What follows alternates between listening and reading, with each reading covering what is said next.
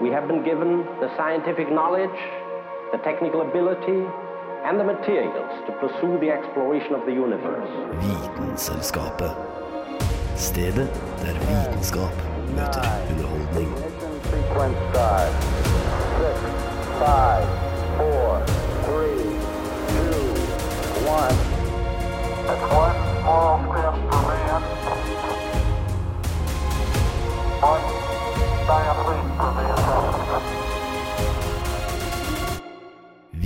Vitenselskapet. På Radio Nova. Dagene blir mørkere, kortere og kaldere. Plutselig kjenner du på årets første lille nys. Har du blitt syk? Men da er det fint at vi skal snakke om akkurat sykdom her på Vitenselskapet i dag. Hey. Uh, kanskje ikke akkurat uh, influensa eller forkjølelse, men vi tar i hvert fall for oss noen andre sykdommer du kan bli uheldig å bli utsatt for. Eh, jeg, Julianne Lifjell, skal lede deg gjennom dagens sending sammen med Sara? Og Jonathan Malmberg.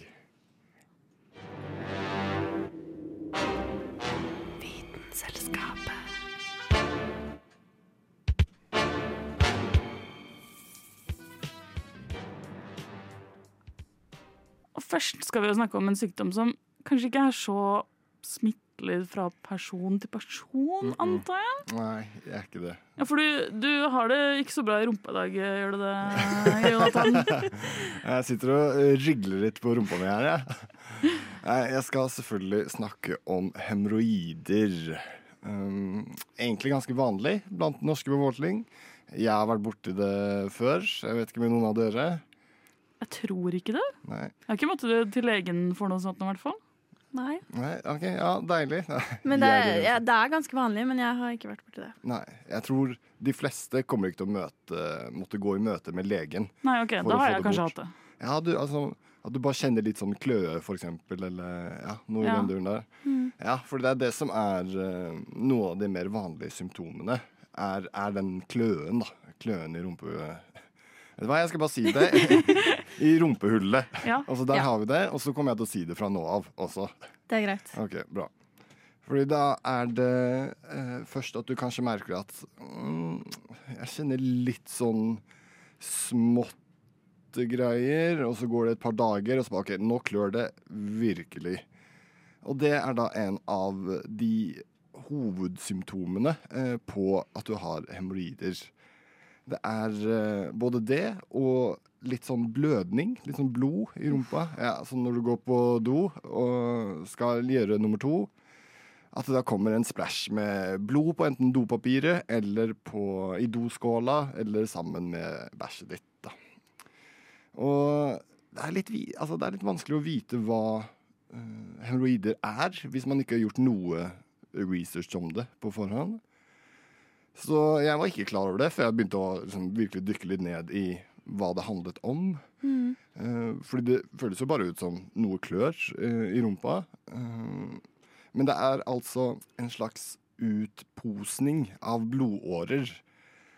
Og det betyr at blodårene dine rundt rumpehullet har enten blitt litt irritert eller litt betent, og da hever seg. Ja, ikke på samme måte som en deig, men nesten. Det hadde ikke vært et veldig godt brød, ser jeg for meg. Nei, jeg kan tenke meg Altså, det blir jo en liten sånn bolle. En annen måte eh, du kan se om du har hemoroider på, er om når du har gått og gjort din nummer to, så stikker det ut en liten sånn eh, liten smurf ut av rumpehullet ditt. En liten sånn nisselue Som man kan se. som man både kan se Oi. og ta på. Mm. Oi. Ja, og i de fleste tilfeller også må dytte inn i rumpehullet ditt igjen. Etter Oi. at du har gjort ferdig. Okay, For hva, hva er det egentlig, da? Det er da den blodåra her da, som bare har eh, hevet seg og blitt betent. Og Som bare, egentlig skal være på innsiden, som egentlig skal være på innsiden. Uh, som har lurt seg ut. som har bare blitt med resten, og bare blitt med fossen, som er der fra før av. Og uh, stikker ut og sier hei til resten av verden. Og da er det Det er ikke noe verre enn å bare dytte den inn igjen. eh, selv om det kan For det kan ikke sprekke. Nei. Nei. Et, eller du kan eh, Jeg tror det var en behandlingsmåte i gamle tider. Å prøve å få det til å sprekke. Det de tror De er ikke helt sikre, men de tror at det kommer ved tungt fysisk arbeid. Det er eh, en stor del av at oh, ja. ja, at man får mye press i det de kaller Altså i bukhulen, som er på en måte Hvis du har dine private parts, og så går du ca. 15 cm opp, kanskje, derfra, i det området der, hvis det er mye trykk og press der, Sånn litt over navlen, da. ja, så kan du få eh, hemoroider. Også veldig vanlig hos gravide. Til og med langvarig ståing, at du står rett opp og ned, kan føre til eh, hemoroider. Så det er masse forskjellige grunner til at uh, du kan uh, oppleve Eller ja, oppleve litt kløe i rumpa, da, egentlig. uh, det har vært mange forskjellige behandlingsmåter. I gamle tider, når de har funnet ut den lille Når de har sett den lille nisselua ut fra rumpa, så har det vært sånn Å, hvordan skal vi gå frem med det her? Det her må være noe sorcery. Så da var det jo amuletter og sånn de prøvde. Så klart. Ja, ja. Mhm, For å se om det funka. De prøvde også Det her høres litt mindre behagelig ut. Kjæ, Skjæ, skjæring. De prøvde å skjære ut ja, den lille nisselua. Ja. Og det blir jo som å skjære av en blodåre.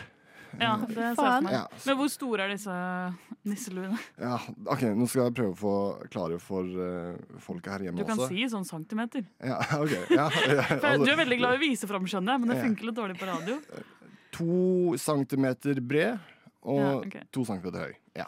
Det er, eh, det er en størrelse, det, da, Ja. for å være det området der. Mm, Hvor det er veldig mye, mye sensitivt. ja. Og det er nok sikkert noen av de verstinger, tror jeg, er på to centimeter. Ja, okay. så, OK. Men det var det, liksom, det kuleste svaret jeg kom på. Eh, men noen andre måter man har prøvd å få det bort, er ved å brenne det bort. Oi, oi, oi. Da vil jeg heller ha en amulett, altså. Ja, jeg tror også det. Fordi det å brenne det bort er jo heller ikke noe behagelig. Nå er det mye krem eh, og sånn ointments som man tar og dytter litt opp i rumpehullet. Mm. Ja. Men eh, nå til dags kan vi vel heller bare anbefale å gå til legen før du brenner av deg rumpa.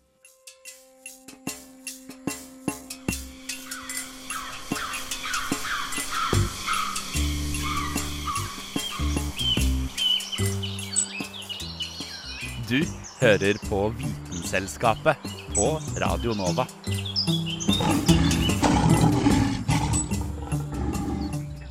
Nå skal vi høre om en smittsom parasitt, den beryktede skabben. Visste du at 130 millioner mennesker har skabb til enhver tid? Du hørte riktig. 130 millioner mennesker har skabb til enhver tid. I 2020 fikk 40 000 til 60 000 nordmenn behandling for skabb. Til sammenligning ble det meldt over 25 000 tilfeller av klamydia. Det er ca. 30 000 flere skabbtilfeller enn klamydia. Skabb er ansett som en av de seksuelt overførbare sykdommene, siden infeksjonen overføres ved enhver nærkontakt, inkludert seksuell kontakt. Skabben elsker hudkontakt, akkurat som vi i ungdommen, og derfor rammer de oss mest. Men til forskjell fra ungdommen kan skabben leve ut hele livssyklusen sin med ett menneske om gangen. Det hele starter når en gravid skabb møter huden din. Deretter kan det ta opptil tre til seks uker før det begynner å klø, om det klør i det hele tatt, og hvis du først merker kløen, kan det lett forveksles med eksem og allergi, eller et seriøst tilfelle av myggstikk. Om natten er det verst. Du prøver å sove, men hver gang du lukker øynene, så skjønner du en spesielt nådeløs og ødeleggende kløe, som starter sakte og flytter seg rundt på kroppen og tar helt over. Du får etter hvert nupper, blemmer og sår fra negletippene helt til tærne. Og det er verst på natten av varmen. Da beveger de seg fortere, faktisk opptil 2,5 cm i minuttet. Og bare tanken på skabben, som ser ut som et romvesen som lager små ganger hvor du legger egg på veien, og som klekker og blir til mikroskopiske larver, hjelper ikke. Det er noe med det å tenke på at det klør, så klør det. Jeg vedder på at du klør allerede nå, jeg. Ja. Og skjønner noe krible på huden din. Det er mulig å klassifisere skabb i tre typer. Vi har klassisk skabb, vi har dyreskabb, og så har vi norsk skabb. Vent litt, hva sa du nå? Norsk skabb? Ja, Norwegian scabies, eller skorpeskabb. Men er norsk skabb en type midd som bare finnes i Norge, eller er det bare noe som rammer norske folk?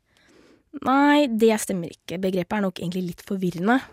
Det blir kalt for norsk skabb fordi to leger beskrev tilstanden for første gang i Norge på midten av 1800-tallet. Norsk skabb er et helt nytt nivå av alvorlig, i hvert fall for pasienter med nedsatt immunforsvar. Ok, så hvorfor er det så alvorlig? Vel, kløen kommer jo fra at immunforsvaret får en reaksjon fra midden. De med nedsatt immunforsvar kan gjøre at du blir angrepet med hundrevis eller tusenvis av midd. Her er skabb mye mer omfattende og kan spre seg over hele kroppen. Men interessant nok så er denne kløen vært eh, veldig minimal eller fraværende for denne formen for skabb. Men for de fleste tilfeller av skabb hos friske voksne er det ikke mer enn 15 eller 10 levende skabb, selv om det er hundrevis av nupper på huden. Det finnes heller ingen test for å sjekke om du har skabb, så her må du lene deg på sunn fornuft og et lege på besøk. Alle kan få skabb, og den opererer hele året, verden rundt. Du har kanskje hatt skabb, eller kanskje du begynner å klø bare av å høre om det. Da kan du trøste deg med at skabb ikke er farlig, bare ufattelig plagsomt. Denne saken ble laget av Ingelin Normann. Hæla i taket med Vitenselskapet.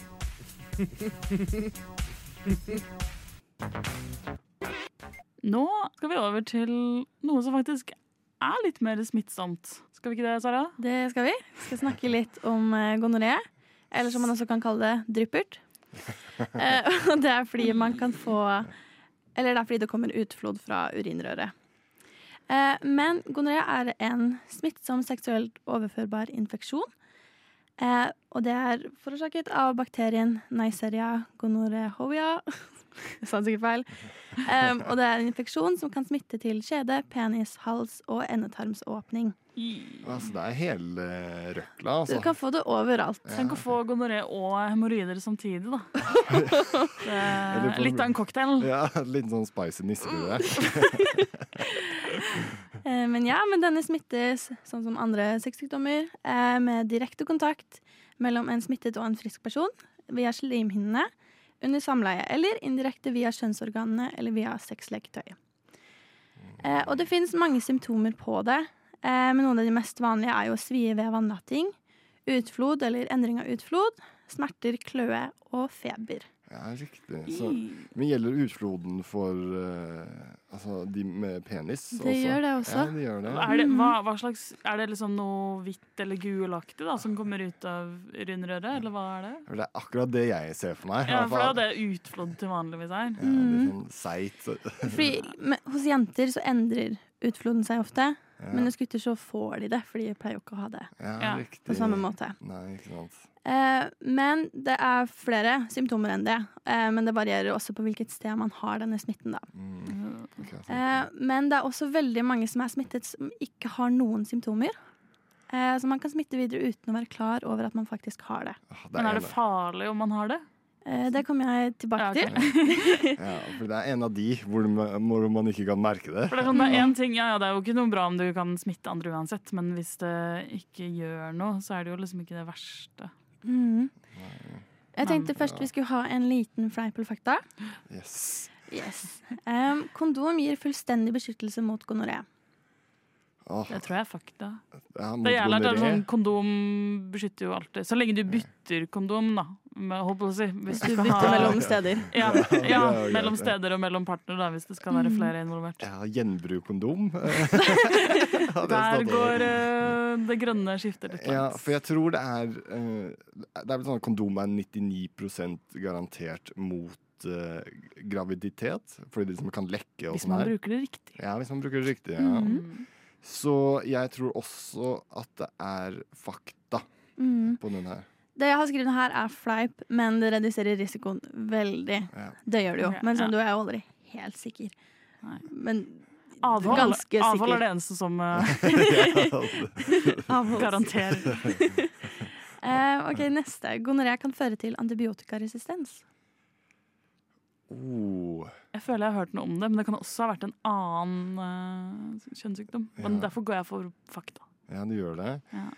Ah, antio antibiotikaresistens er så, det er så tricky. Mm, Det er skummelt. ja, jeg velger å gå motsatt vei og gå fleip. Det er faktisk fakta.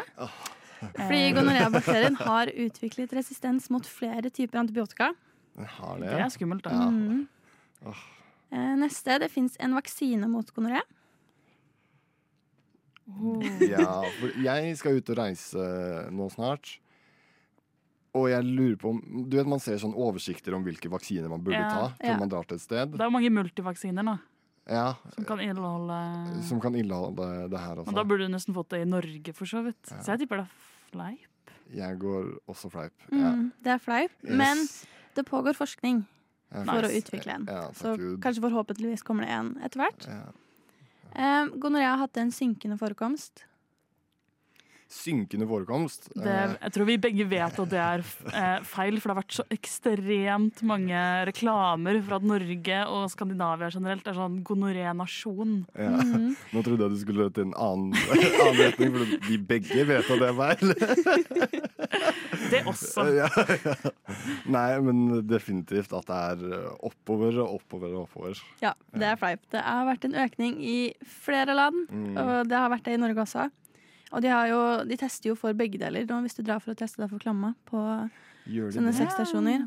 Eh, ja, så det har blitt mye mer vanlig, fordi det har blitt en økning. Ja, for jeg har hørt at både her i Norge så har både Altså det er så, det er så mye klamydia og Mm. nå også gonoré. Mm. Men smooth, da. At, Vi er jo gode til å teste også, òg, så det kan jo være litt derfor, men det er jo bra at man finner ut av det. Ja, det er Ja. veldig sant. Eh, og den siste jeg har, er hvis mor har gonoré når en unge fødes, unngår faktisk babyen sykdommen. Ja, den er også tricky. Eh, Jeg tipper det er fly. ja, tipper det er altså- sånn at det blir født med den eller noe. Ja, fordi altså, det er jo så mange kjønnssykdommer som uh, man uh, Hvis man har det. Ja, som ja. man overfører, ja. Og jeg tror gonoré også er en av de. Det er helt riktig. Det er fleip, fordi ungen kan bli smittet dersom moren er smittet. Mm. Og det kan føle til alvorlige komplikasjoner som mest vanlige øyeinfeksjoner. Ja. Og i verste fall så kan det føre til blindhet. Å nei! Eh, og en liten sånn rar fact er at før så ble alle babyer, hvis moren hadde gonoré, automatisk eh, behandlet med antibiotika-øyedråper som inneholdt sølvnitrat. Ja, ja, så det var eh, Man fikk behandling med en gang, da. i hvert fall. Ja. Ja. Du hører på Vitenselskapet. Tirsdager klokken ti til halv 11 på Radio Nova.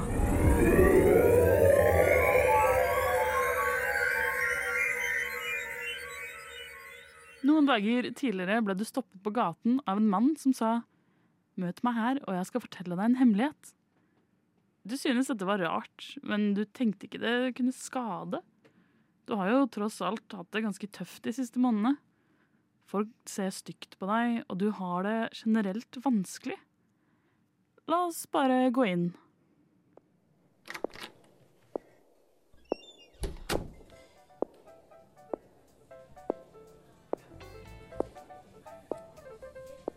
Du har blitt rekruttert hit, ja, fordi du ikke har nese. Og jeg tenkte kanskje at det var greit for at dere fikk møte hverandre.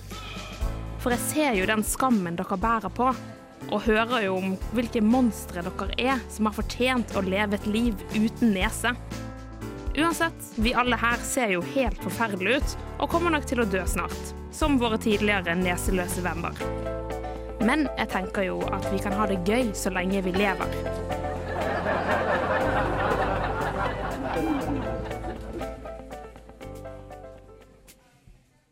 –1700-tallets London hadde en klubb for de som ikke hadde nese. Altså No Nose Club. Men hvordan i all verden var det nok mennesker uten nese til å danne en klubb? Jo, på denne her tiden så herjet den fryktede sykdommen syflis. Hvordan man mistet nesen, er jo ett spørsmål. Men hva kunne man gjøre når det først hadde skjedd? Vel, enten så kunne man få en slags transplantasjon fra din egen arm. Altså at du opererte og sydde fast armen din i fjeset ditt. Og sånn her måtte du gå i ca. 40 dager, og egentlig bare håpe på at du ikke begynte å nyse. For da ødela jo du hele denne konstruksjonen. Hvis dette her ble litt for voldsomt, kunne jo man bare kjøpe en neseprotese. Som da er en nese koblet til et par briller. Uansett hva du måtte velge, eller om du ikke ville velge noen ting, så var jo ikke dette her helt optimalt. Men neseløsheten er jo bare én ting som kan skje dersom man har ubehandlet syfilis. Syfilis er en kjønnssykdom forårsaket av bakterien treponema pallidum.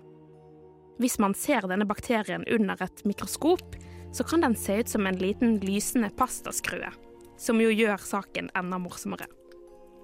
Dersom man skulle blitt smittet i dag med denne bakterien, så er det en veldig enkel kur. Penicillin, og du er frisk. Men før oppdagelsen av antibiotika var det nesten krise om man ble smittet. Som jo for så vidt gjaldt mange andre bakterier på denne tiden. Men forskjellen var at syfilis er en sykdom som gir veldig synlige sår og arr, bl.a. neseløshet og utslett. Som igjen førte til mye skam. Sykdommen syfilis kan i grove trekk deles inn i tre stadier. Det første tegnet er at man får et sår der smitten har skjedd. Oftest da på genitalia eller i munnen. I neste fase har bakterien fått tid til å spre seg i blodet, og man får utslett på kroppen og andre vanlige infeksjonsrelaterte symptomer, som feber, slapphet, hodepine osv. Deretter så går sykdommen over i en latent fase. Altså at bakterien bare er i kroppen, men ikke gjør noe. Dette kan han gjøre i mange år før den siste fasen kommer til syne. Og hvis du da er maks uheldig, kan bakterien gå til hjernen og gitt deg nevrosyfilis.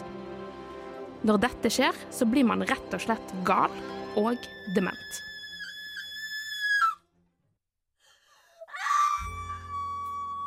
Så tilbake til det store spørsmålet. Hvorfor mister man nesen? Vel, det er sånn at denne sykdommen gjør at man i prinsippet kan få betennelse i alle organer, også i selve blodårene. En betennelse her kan bety at åreveggene klapper seg sammen, som igjen betyr at blodet ikke kan strømme igjennom. Alle organer, vev og celler er jo avhengig av oksygen. Og som du sikkert vet, er det våre røde blodceller som frakter denne gassen rundt i kroppen.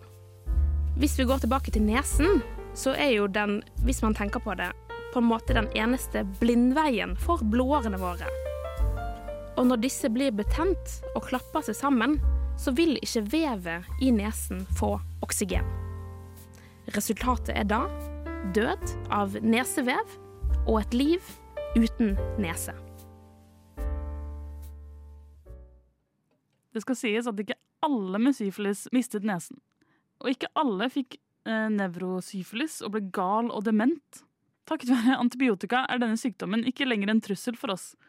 For skal vi være helt ærlige, syfilis høres forferdelig ut. Og ikke minst kjemperart.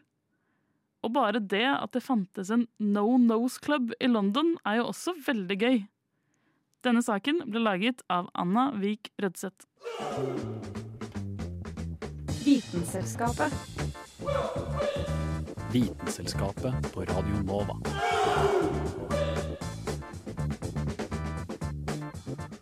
Helt på tampen av sendingen i dag så skal vi faktisk eh, fram til verdens mest dødelige sykdom. OK. okay. Uh, nå hadde jeg lyst til at dere skulle gjette hva det var, men Ja, eh, altså- dere vet allerede vet hva jeg det skal snakke om, så det Men jeg hadde, altså, hvis jeg kan slenge ut noen generelle gjett Ja, for På hvor Ja. Svartedøden. Ja, Ja. ja for, okay, ok, Hvis dere ikke hadde visst, hva hadde dere gjetta? OK. Bortsett fra svartedøden. ok. Jeg har ikke så mange bra forslag. Jeg. Spansk influensa. Ja, gode gjett. Takk, takk, Alt er god gode gjett. Men vi skal altså fram til tuberkulose. Oi. Som er en sykdom som man kanskje ikke tenker så mye på engang. Nei. Eh, for de som eh, noen, holdt på å si blant oss, muligens, eh, har jo kanskje også fått en sånn eh, BCG-vaksine. Har du det? Jonathan kan kanskje ha fått det. Ja, jeg tror jeg fikk en før russetiden starta. Eller så var det Jeg tror det var den ja, hjernehinnebetennelse-greia. ja, det var det kanskje. BCG pleide man å få når man var Jo, 14. Ja. BCG. Ja, Mm. stemmer. stemmer. Men eh, de slutta akkurat rundt vårt kull, så jeg har ikke den. Eh, men da- noen, noen i vårt kull har det. ja. Men det var da en Jeg gidder ikke si hva det sto for, for det var et sånn langt, rart navn. Men en av de tingene det beskytta mot, var annet tuberkulose. Men så var det eh, basically antatt at det var eh, mer eller mindre utrydda i Europa. Mm. Og eh, bare folk som hadde foreldre som kom fra land hvor det var eh, mulig smitte, da. eh, de fikk den vaksinen fortsatt. Okay. Og får den sikkert fortsatt Mm. nå. Ja, Og hvis du sikkert skal til disse landene, så får du den. ja. Så det er Um, utrydda i Norge. Eh, er det det de tenker, eller? Eh, mer eller mindre, men det er også gøy fordi jeg vet om noen som fikk den eh, tuberkulosen for bare et par år siden. Oh, ja. Eh, det er fortsatt mange i Norge som får den, Mhm. eh, og som dør av den. Eh, og som sagt, det var jo den dødeligste, dødeligste sykdommen i verden. Mm. Kan dere gi et sånn anslag på hvor mange kan være tall, kan være andre måter å definere mengder av sånn i forhold til andre ting, da. Ja. eh, Jeg har funnet ut at jeg var ikke så god på å gjette i dag. Det skal, vi skal til noen store tall, i hvert Ja. fall. Okay. så jeg å, Det varierer jo litt um, på når eh, på, eh, når i en måte, verdenshistorien Ja. den var uh, på sitt største. Men i forhold til uh, For den Jeg kan jo nevne det, da. Den har, de har funnet eh, eh, tegn til at den fantes i hvert fall 9000 år siden. Så den er ganske gammel. Oi. Eh, men fortsatt, du må jo tenke på at i de siste 100 årene, 200 årene, så er vi jo mange flere mennesker enn vi kanskje noen gang har vært i løpet av hele verdenshistorien. Så det har jo mye å si. Ok, Så jeg, jeg velger å da en eh, 3 av Nei, 1 av verdens befolkning eh, på den tiden da den var som størst, døde av Eh, tuberkulose. jeg, vet, vet du hva, jeg så ikke noe om når den var størst, sånn sett, og det kommer helt an på hvor Altså, den er jo fortsatt eh, verdens mest dødelige sykdom, så du ah, ja, kan jo si at den det, er ja. ja, Eh, Så bare det siste året så var det vel én til to millioner mennesker som døde av tuberkulose i hele verden. Siste året? Eh, ja, Oi. i hele verden. Og eh, i løpet av eh, i hvert fall siden andre verdenskrig så har det dødd flere mennesker av tuberkulose enn av noen andre kriger. Oi. Eller alle krigene sammen, sammenlagt, da. Det er ekstremt mange mennesker. Oi, oi, oi. Eh, og det er jo helt unødvendig, fordi vi har vaksine og vi har eh, antibiotika. Som man kan få. Noen av de er resistense, Mm. men eh, de fleste av de er ikke det. Og det fins jo alternative midler. Um, men det har jo mye med å gjøre da, med at uh, i dag så er den uh, kobla til uh, fattigdom. Ja. Uh, hvis du bor tett oppå hverandre, hoster mye, nyser mye, eh, så sprer den seg veldig fort. Og det skjer jo ofte i fattige områder. Men det var ikke alltid sånn. Fordi i starten, eh, i starten så er liksom Rundt 1800-tallet cirka, så var den en på en måte romantisert sykdom. Hvorfor? Eh, du ser mye av liksom eh, Det blir ofte beskrevet av eh, diktere, malere, eh, artistiske folk. Som at eh, i hvert fall på kvinner så ble man så tynn og blek. Så altså det skjønnhetsidealet vi har i dag, Mm. kommer til en viss grad fra tuberkulosen på sin Oi. holdt på sin storhetstid. Eh, man fikk store øyne fordi man ble så tynn. Ja. Eh, man fikk en litt sånn f- febersk glød, som de kalte det. Det og det, man ble liksom rød i skinnet. Og, Man sitter og ja. harker opp alt man har innvendig, liksom. Ja, ja. Det er Men liksom- det er wow. også at uh, hvis du ser, eh, hvis du ser en film eller uh, et uh, teaterstykke hvor noen hoster opp blod, så Ja. tenker du med en gang ok, den personen kommer til å dø. ikke sant? Og det kommer jo fra tuberkulosen. Ja. Eh, for det er der det skjedde først. Ja. at han hoster blod og sånn her, Ja, For det, det kan jo skje da, hvis du får den. Ja. Um, så Jeg føler at jeg har sett i veldig mye teater ja, og det er veldig mye. Skal jeg tenke over nå? Jeg ser det Vampire Diaries. Det skjer en del eh, der. Det er jo ikke alltid man har tuberkulose, da, men uh, det kan jo skje i Mhm. disse typer tingene.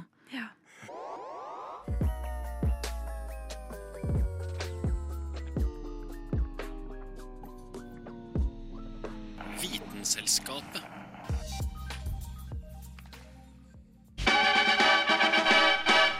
Radio Nova.